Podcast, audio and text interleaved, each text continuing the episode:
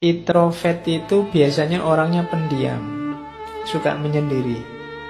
Tidak suka ngobrol ringan, tidak ada gunanya, dia males. Jadi tidak suka basa-basi, tidak suka beramah tamah. Jadi wajahnya pokoknya datar, lurus. Cirinya orang introvert. Dia tidak nyaman dengan keramaian. Dia lebih suka sedikit orang atau malah sendirian dia suka. Tidak suka diganggu. Kalau diganggu dia sebel, dia pengennya menyendiri. Itu biasanya orangnya introvert, pendiam.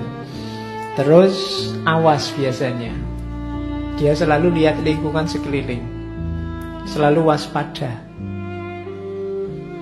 Sebelum ngomong dia mikirnya panjang. Antara lain cirinya itu. Kalau sudah ngomong biasanya serius terus to the point, tidak mau basa-basi. Kalau sudah jengkel tidak bisa diajak ngobrol, diem aja. Dari mana mas? Dari tadi.